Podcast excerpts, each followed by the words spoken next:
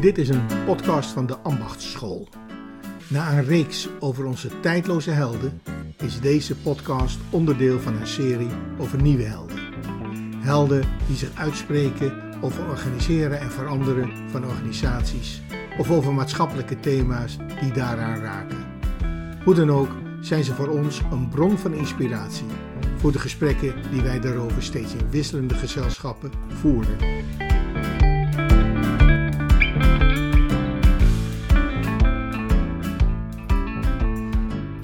Beste luisteraar, ehm, dit is een podcast van Marjorieke Glaudemans en Marijke Spanjesberg.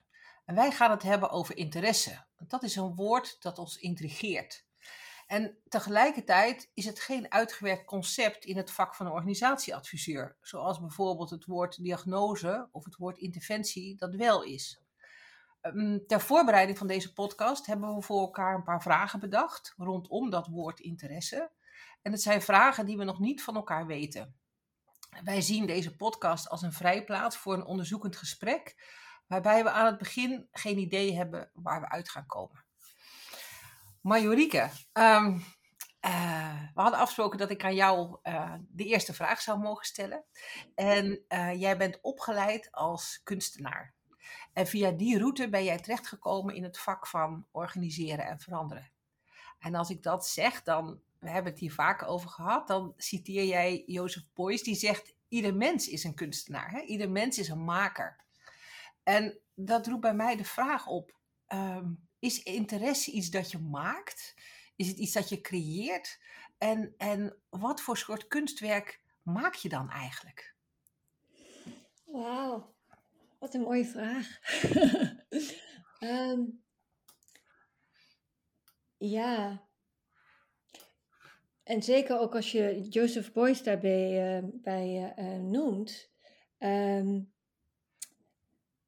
Joseph Beuys zei inderdaad, ieder mens een kunstler, maar wat hij daarmee bedoelde, is niet zozeer dat iedereen een kunstwerk kan maken in materiële zin, in, in, in de zin van een schilderij of een beeldhouwwerk, dat ook, maar ook dat elk mens de capaciteit heeft om uh, het geheel te overzien en te onderscheiden hoe die daaraan kan bijdragen.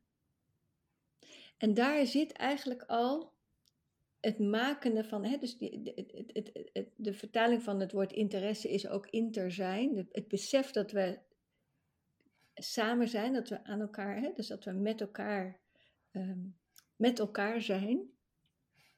En zijn uh, opvatting van kunstenaarschap ligt daar ook heel dichtbij. Dus het besef dat, dat je de dingen inbrengt en niet in een afgesloten geheel van me, Marcel en I bent. Je bent inter, je bent, het is inter zijn eigenlijk. En, en als ik daar even op door mag, hè, wat, uh, want interesse is, een heel, is eigenlijk een heel interessant woord. Hè? Want het, uh, als je zegt, ik, ik heb interesse in, in iets, dan, dan kan je, hè, de, de, gewone betekenis is dat je nieuwsgierig bent of nog sterker dat je iets wil hebben. Hè, zeg je van, ik ben geïnteresseerd in deze klus, dan wil je die klus hebben. Hè, dus dan, um, en jij um, maakt het stapje van eigenlijk de letterlijke betaling van interesse, hè, dat tussen zijn. Wat, wat is dat voor jou? Ja, um, Als je, als je opgeleid wordt als kunstenaar, zeker in de, in de jaren, jaren 90, um, 80, 90 en ook daarvoor, ligt eigenlijk de nadruk ook heel erg op dat je, eigenlijk ook op, dat je, laten we zeggen, het ego, dat je je ego, je, je, je kunstenaars als ego ook inbrengt. Um, dat ben ik heel erg gaan bevragen. Dus uh, kunstenaars als, als Joseph Beuys zijn daarin heel erg belangrijk, uh, omdat hij ook aanraakte mm, dat een werk bestaat eigenlijk niet zonder dat iemand er ook weer naar kijkt, er interesse in toont. Ja, ja. En dat, dat hele gegeven, um, dit, dit hele gegeven eigenlijk, en ik, ik, ik wil het zo eenvoudig en klein mogelijk houden, hè, dus het, um, uh, dat de dingen bestaan doordat er een wederkerige interesse is, dan kan er iets ontstaan.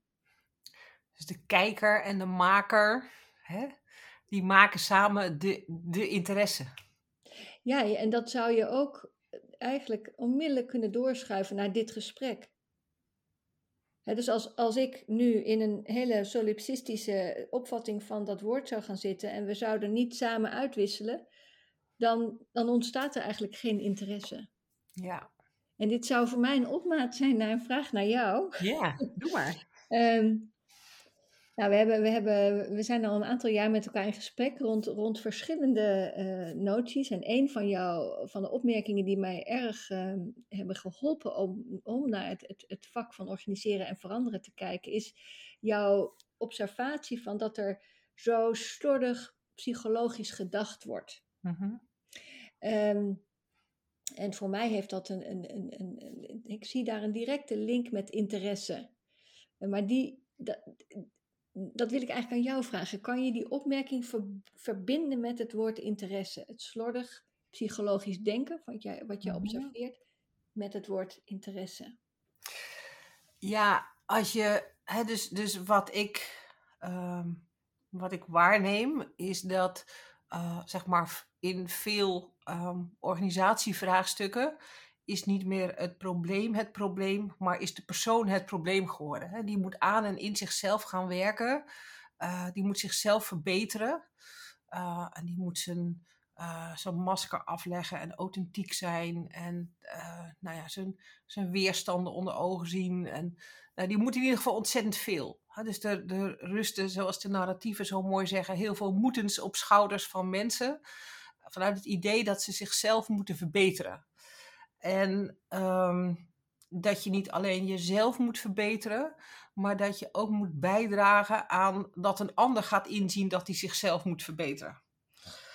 Um, en dan, uh, dan wordt hij natuurlijk ja, heel gauw heel instrumenteel. En dan verlies je, wat mij betreft, um, de echte interesse. Over wat gaat er nou tussen ons heen en weer. Want hè, dat is natuurlijk wat, wat de uh, systeembenadering ons leert: hè, van er is geen los gedrag. Uh, gedrag is altijd in interactie. Eigenlijk precies wat Jozef Boy zegt. Dat is eigenlijk heel, heel interessant. Dat hè, de, de kunstenaar en de kijker, hè, die in hun wederzijdse interesse creëren ze iets. En dat is natuurlijk in organisatievraagstukken niet anders. Dat wat er ontstaat, ontstaat in de interactie. Uh, en dat vergt eigenlijk um, een soort openheid en een soort, eigenlijk gek genoeg, ook een beetje van die ander afblijven. Hè? Dus niet te veel, um, hè, dus nieuwsgierigheid is nog oké, maar um, dat wordt heel snel ja, toch toch de illusie van maakbaarheid. Van als ik jou begrijp, dan kan ik jou ook veranderen of verbeteren. Of als ik mijzelf begrijp, dan kan ik mijzelf ook veranderen en verbeteren. En daar verliest hij wat mij betreft de, uh, de openheid die aan het woord interesse uh, vastzit. Dat je het juist niet wilt grijpen. Ja. Ja, dat is heel mooi. Want uh, dank je wel voor, voor nu wat Joseph Beuys noemt een gesprek. Kan een kunstwerk zijn en dat noemt hij dan een sociale sculptuur, social sculpture. En dat wordt het op het moment dat je samen bouwt in het gesprek. Dus dat, het, dat zeg maar die, die dubbele agenda van, ah, als ik nu invloed, hè, als, als die ander mij nu begrijpt, dan kan ik het gebruiken voor mijn als dat wegvalt, maar dat er verwondering blijft over wat er ontstaat in de tussenruimte tussen jou en mij, in dit geval, in dit gesprek. En algemener gezegd, hè, dus in, in, de, in de ruimte van een conversatie. Hè, de meeste organisatie en verandering en alle processen is in wezen een conversatie. Dan kan er dus wezenlijke interesse ontstaan. Dan gaat het voorbij de doelmiddelmentaliteit. Ja. En als ik daar. Um, want eigenlijk is het heel grappig dat uh, mijn volgende vraag aan jou. Die, um, die hangt ook nog weer even aan uh, Jozef Boys vast. Want um, een ander citaat van hem, uh, dat ik ook van jou heb geleerd, is um, dat een kunstwerk een hobby blijft zolang het zich niet bemoeit met de economie. Uh, dus als hè, het interesse kunstwerk zich nou gaat bemoeien met het werk, hè, met de plekken waar resultaten worden geboekt en geld verdiend moet worden, um, ja, wat, wat gebeurt er dan? Wat, wat vraagt dat dan van ons als we de interesse niet willen verliezen? Ja. Want dan is het toch wel moeilijk. Ja, dit is wel, nou, dit is echt een, een uh, enorme, de, de grond ook van het werk van Joseph Beuys, waar ik mij als kunstenaar ook echt in zijn traditie, um, in zijn voetsporen voel staan. Um, eerst, economie is niet zozeer de neocapitalistische samenleving, eerder nog daarvoor de oikos dus het, het, het, het huishouden van de wereld, dat is waar Joseph Beuys eigenlijk aan raakt. En in die zin verwijst hij ook weer dat als kunstwerk een hobby is, verwijst het naar jezelf terug. Het moment dat het zich verbindt met de oikos, dan is het een bijdrage. Aha. Um, en hij heeft daar. Um, uh, ik heb dat, dat wat, wat, wat meer in mijn eigen woorden samengevat, maar hij zegt eigenlijk: mens is intentie en creativiteit is waardigheid en dat is ons kapitaal. Dus hij draait zeg maar, het, de, de, het kapitaal eigenlijk 180 graden terug naar de menselijke waardigheid en de, en de creativiteit en de, en, en de intentie. Dat ziet hij als oikos, dat ziet hij als ook economie. dus het inbrengen van jouw uh, creativiteit die voortkomt uit een specifieke intentie om bij te dragen. Oké, en um, als je dan zegt hè, van, um, als we dan toch proberen om die stap van oikos naar um, de economie te maken van deze tijd. Hè? Dus de, de plekken waar het de doel-middelrationaliteit uh, dominant is. Dat is, dat is de wereld uh, waar we ons in begeven, waar we ons toe verhouden, waar we dingen in doen. Hè? Um, en um, nou, misschien, misschien ook wel een, een persoonlijke vraag van als er dan. Hè, er zijn natuurlijk toch ook kwetsbare of kritieke momenten waarop die interesse verloren dreigt te gaan. Hè, waarop het heel moeilijk is om het, om het open te houden. wat doe jij dan? in eerste instantie heel goed zien dat ik, dat ik zelf sluit. Oké. En daar vanuit kijken, dus het moment dat ik naar buiten ga wijzen, het sluit, dan word ik slachtoffer. Word, dan word ik slachtoffer. Daar waar ik sluit, daar heb ik ruimte om te bewegen. Dus dat, en dat klinkt, dit klinkt nu heel, heel, vaak lukt, heel vaak lukt dat natuurlijk helemaal niet. Maar het moment dat ik daar heel dichtbij blijf, dan is er eigenlijk mogelijkheid tot, uh, tot bewegen. Ik kan een ander niet in beweging zeggen dat, dat die eigenlijk had moeten bewegen. Ik kan wel zien waar ik dicht ga en waar ik niet meer beweeg. Oké, oké. En, en dat dichtgaan, heeft dat dan te maken met dat het oordeel dan de baas wordt? Ja, dus het gaat heel erg over dat ik dan heel dichtbij blijf wat er in mijn, in mijn geest gebeurt. En nu, voor mij gaat dit nu over naar een vraag die ik jou zou willen stellen. Ja. naar aanleiding van, uh, van een, een zin die jij, waar we het heel vaak over hebben gehad en die je heel vaak hebt gesproken, maar die ik eigenlijk opnieuw wil vragen. Van als ik je nu aan je vraag, hoe zou je dan, hoe zou je dan eigenlijk openen, vertellen wat je daarmee bedoelt? En de zin is, we moeten niet zo in mensen kijken, het niet in mensen zoeken. Ja. Uh, kijk, wat ik, wat ik, um, wat ik denk hè, is dat we hebben een, uh, een enorme fascinatie voor wat er zeg maar in onszelf leeft. En um, ja, ik heb um, een keer het werk van uh, Taylor bestudeerd, hè, de, de bronnen van het zelf. En hij beschrijft eigenlijk op een hele indrukwekkende manier dat ehm, het idee dat wij een zelf hebben, dat dat eigenlijk een construct van twintig eeuwen ehm, eh, filosofie en cultuurgeschiedenis is. dat, dat in de tijd van Plato was onze binnenkant eigenlijk heel leeg. En, en naarmate de geschiedenis voortschrijdt, is onze binnenkant eigenlijk steeds, steeds voller geworden. we hebben er een, een bewustzijn ingestopt en een ziel en emoties en ratio en nou ja, van alles nog wat. Dus die binnenkant die is eigenlijk steeds drukker geworden. En wat ik heel interessant vind is dat je dus uh, uh, dat het idee dat wat wij allemaal aan de binnenkant van onszelf plaatsen, dat dat iets is wat een product is van onze cultuur. Dus dat is niet zo, maar dat is een, een constructie. Wij denken zo over dat wij aan de binnenkant heel veel interessante dingen hebben. Uh, en dat die dingen mooi en goed zijn dat die ook veel aandacht behoeven. Dat je daar ook aan kunt werken. Uh, hè, dus dus dat, dat het goed is om daar uh, nou ja, bij stil te staan en uit te pluizen en jezelf te ontdekken. En, en dat is allemaal waar. Dat is allemaal waar. En tegelijkertijd zit er voor mij een addertje onder het gras. En dat is dat we dan die binnenkant zo ontzettend groot en interessant maken, dat we eigenlijk het zicht verliezen op wat er zich tussen ons afspeelt. En dat we daar ook veel minder taal voor hebben. Uh, dat het heel ingewikkeld is om te zeggen, maar wat is nou, wat is nou de karakteristiek van ons tussengebied? Hè?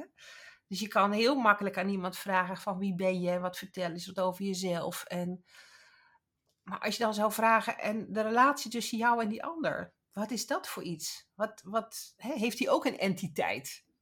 Dat is, daar hebben we veel minder taal voor. En, en ik denk dus dat we een prijs betalen, um, doordat we zoveel aandacht en taal en energie hebben voor die binnenkant, dat het tussengebied een beetje dun wordt. Ja. Ja.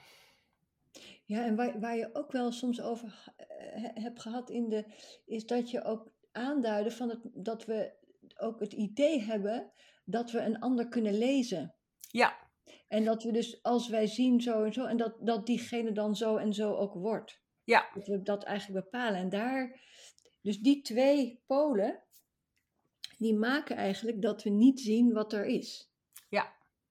Ja, dat is die geweldige zin van uh, Omer, hè, de, de Israëlische psycholoog, hè, die, die zich ook veel bezig heeft gehouden met, gehouden met, met ja, demonisch denken. Hè? Dus dat is dan de, de black side daarvan. Hè? Maar dat, dat zijn, zijn zin is eigenlijk, hè, er bestaat van buitenaf geen beter weten over wat er zich in een ander afspeelt. En als je dat zo hardop zegt, dan zegt iedereen, ja, natuurlijk is dat zo. Hè? Uh, maar als je er heel goed naar kijkt, dan doen we wel heel vaak alsof we beter weten dan een ander wat er zich in een ander afspeelt. Hè? Ja die ander die zit in de weerstand of eh, heeft geen urgentiebesef of nou ja, van alles nog wat. Hè? Ja. Uh, en dat, dat is taal die mensen nooit over hun eigen binnenkant zo zullen formuleren. Nee. En we, we vragen het ook niet. Nee. Nee. En dus de, het, is, het is een besluit. Ja. Die je dan in jezelf neemt. Dus toen je net aan mij vroeg, wat doe je dan? En toen zei ik, heel goed kijken waar ik sluit. Dus heel goed kijken waar mijn oordeel zich bevindt. Ja. En waar dat, dat, een projectie kan worden. Ja. Dat is, echt hartstikke moeilijk. Weet je, dat, dat is wat de hele dag ons natuurlijk te pakken neemt. Dat je denkt, ja, hè, maar uh, waar is die ander nou mee bezig? En, en hij ziet het niet goed. Of ja, hè, dus je bent. En, en en het is dan heel makkelijk om naar de binnenkant van die ander te kieperen. Dat, dat gebeurt zo snel.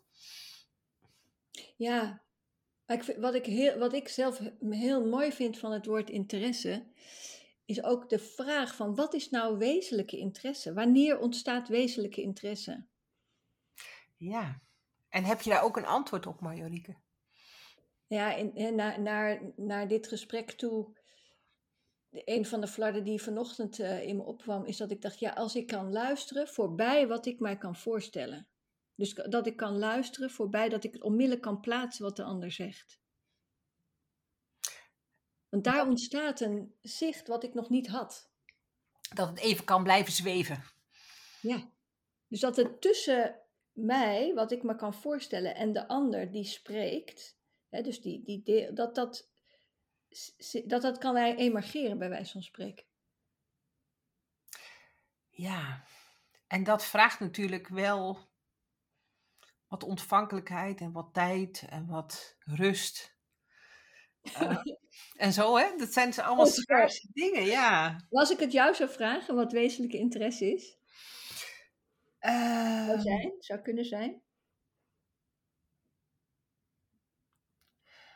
Voor mij gaat het over eh, doelloosheid. Dus het, het dient nergens toe. Dus het is op geen enkele manier eh, voor mijzelf instrumenteel te maken. Eh, dan, dan hè, dus dat, het, dat iemand, ja, dat ik iets kan vertellen dat niet onmiddellijk ergens wordt benut of, of wat ook maar. En andersom ook.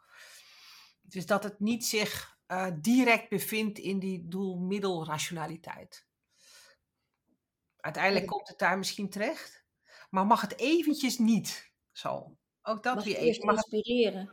ja, en, en misschien is dus die interesse ook wel iets tijdelijks. hè, Zo'n tijdelijke tussenruimte, waar het even mag zweven ehm, tussen mij en die ander, zonder dat we het onmiddellijk grijpen, instrumenteel maken, duiden en verder met, hè, met het verhaal. Misschien is, is interesse wel iets broos en tijdelijks.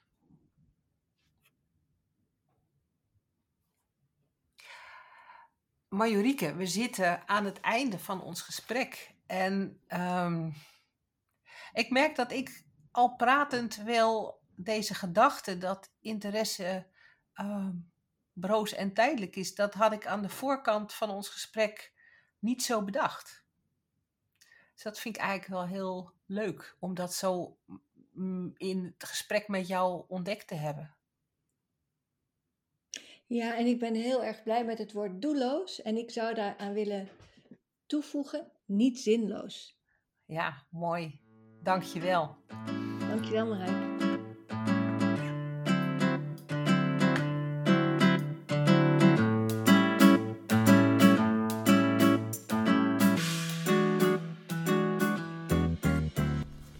Dit was een podcast van de Ambachtschool over nieuwe helden. We hopen dat het luisteren je op nieuwe gedachten heeft gebracht. Wil je meer weten? Kijk eens op ambachtschool.org of luister naar onze andere podcasts op Spotify of op Apple. Hartelijk dank voor het luisteren.